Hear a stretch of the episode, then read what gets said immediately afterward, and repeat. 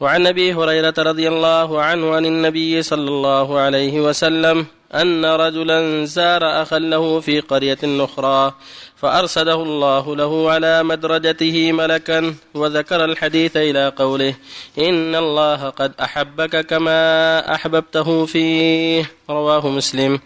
وعن البراء بن عازب رضي الله عنهما عن النبي صلى الله عليه وسلم أنه قال في الأنصار لا يحبهم إلا مؤمن ولا يبغضهم إلا منافق. من أحبهم أحبه الله ومن أبغضهم أبغضه الله. متفق عليه.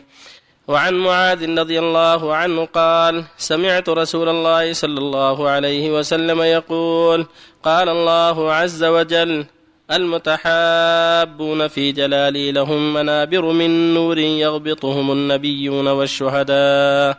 رواه الترمذي وقال حديث حسن صحيح.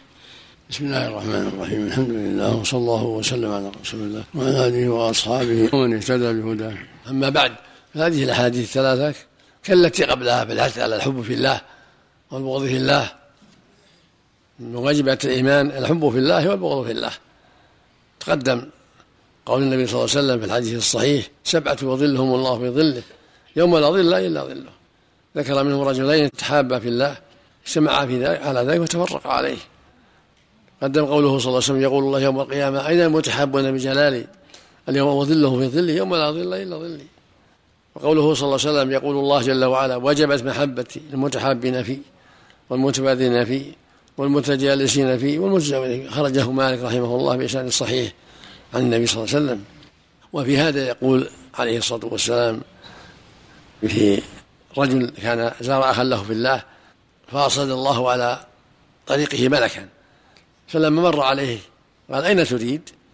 قال أريد أخا لي في الله. قال هل لك من, نعمة تربها عليه؟ قال لا ولكني أحبه في الله. قال إني رسول الله إليك أن الله يحبك ما أحببته. هذا في فضل عظيم وأن الله يحب من أحب في الله.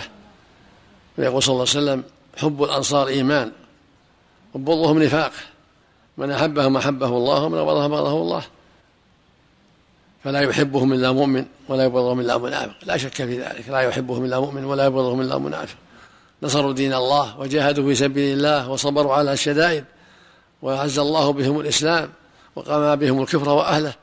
فلا شك مثل ما قال صلى الله عليه وسلم حبهم إيمان وبغضهم نفاق. قال تعالى في حقهم والذين تبوأوا الدار والإيمان من قبلهم يحبون من هاجر إليهم ولا يجدون في صدورهم حاجة مما أوتوا ويؤثرون على أنفسهم ولو كان بهم خصاصة.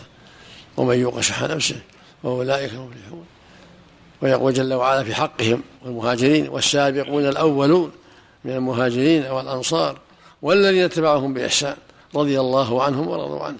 وأعد لهم جنات تجري تحتها الأنهار خالدين فيها أبدا. ذلك الفوز العظيم فضل عظيم في حق الأنصار والمهاجرين جميعا. كذلك يقول صلى الله عليه وسلم المتحابون بجلالي لهم منازل من نور يغبطهم النبيون والشهداء. في الحديث الآخر يقول عليه الصلاة والسلام يقول الله جل وعلا أين المتحابون بجلالي اليوم أظلهم في ظلي يوم لا ظل إلا ظلي. أخرجه البخاري في الصحيح. وهذا يدل على فضل عظيم وخير كبير للمتحابين في الله. نسأل الله يجعلنا وإياكم منهم. نسأل الله يجعلنا وإياكم منهم. والمهم في هذا أن المحبة في الله تقتضي العمل تقتضي العمل بأعمال المحبوب أحببت المؤمنين في الله موجبات المحبة العمل بطاعة الله العمل بسيرتهم وخيرهم. لا تحبهم وأنت بعيد عن أعمالهم. تحبهم مع العمل مع الجد في العمل بأعمالهم. من تقوى الله وطاعة الله والبعد عن معاصي الله هكذا المؤمنون. نسأل الله الجميع التوفيق والهداية. نعم. أحسن الله عملك. زيارات كذلك تقاس مثل القرية أحسن الله عملك. نعم. زيارات مثلا الأقارب أحسن الله عملك. إذا كان لله نعم. ويخبرهم أحسن الله عملك أنها في الله. نعم. ومثلا يخبرهم أحسن الله عملك أنها زيارة في الله. إذا أخبرهم طيب. ويقول له المخبر أحبك الله يبتعد نعم. أحسن الله عملك. أحسن الله حديث معاذ ما المقصود في آخر الحديث؟ لهم منابر من نور على ظاهر يوم القيامة في الجنة. يغيظهم النبيون يعني في الجنة هذا فضل كبير. يعني صح رواه الترمذي يحتاج نظر سنده لكن يكفي عنه الحديث رواه البخاري في الصحيح. يقول الله جل وعلا أين المتحابون بجلال؟ اليوم أظلهم بظل يوم لا ظل إلا ظل. يقول يغبطهم الأنبياء وأن الأنبياء أعلى منهم. ولو يغبطونهم ما لا معنى من غبط يكونهم يغبطونهم وهم أعلى منهم. يعني ما يقول أنت تغبط المستقيم وإن كنت أفضل منه.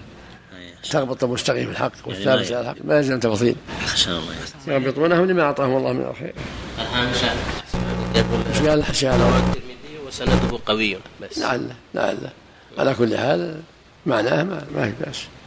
يغبطون يغبطهم الأنبياء وإن كان الأنبياء أفضل منهم أنت تغبط من استقام على الصلاة وحافظ عليها بالجماعة وإن كنت أفضل منه. نعم. أحسن الله إليك. المحبة هل تختص برجال أو يسمح؟ نعم الرجال والنساء يعم الرجال والنساء.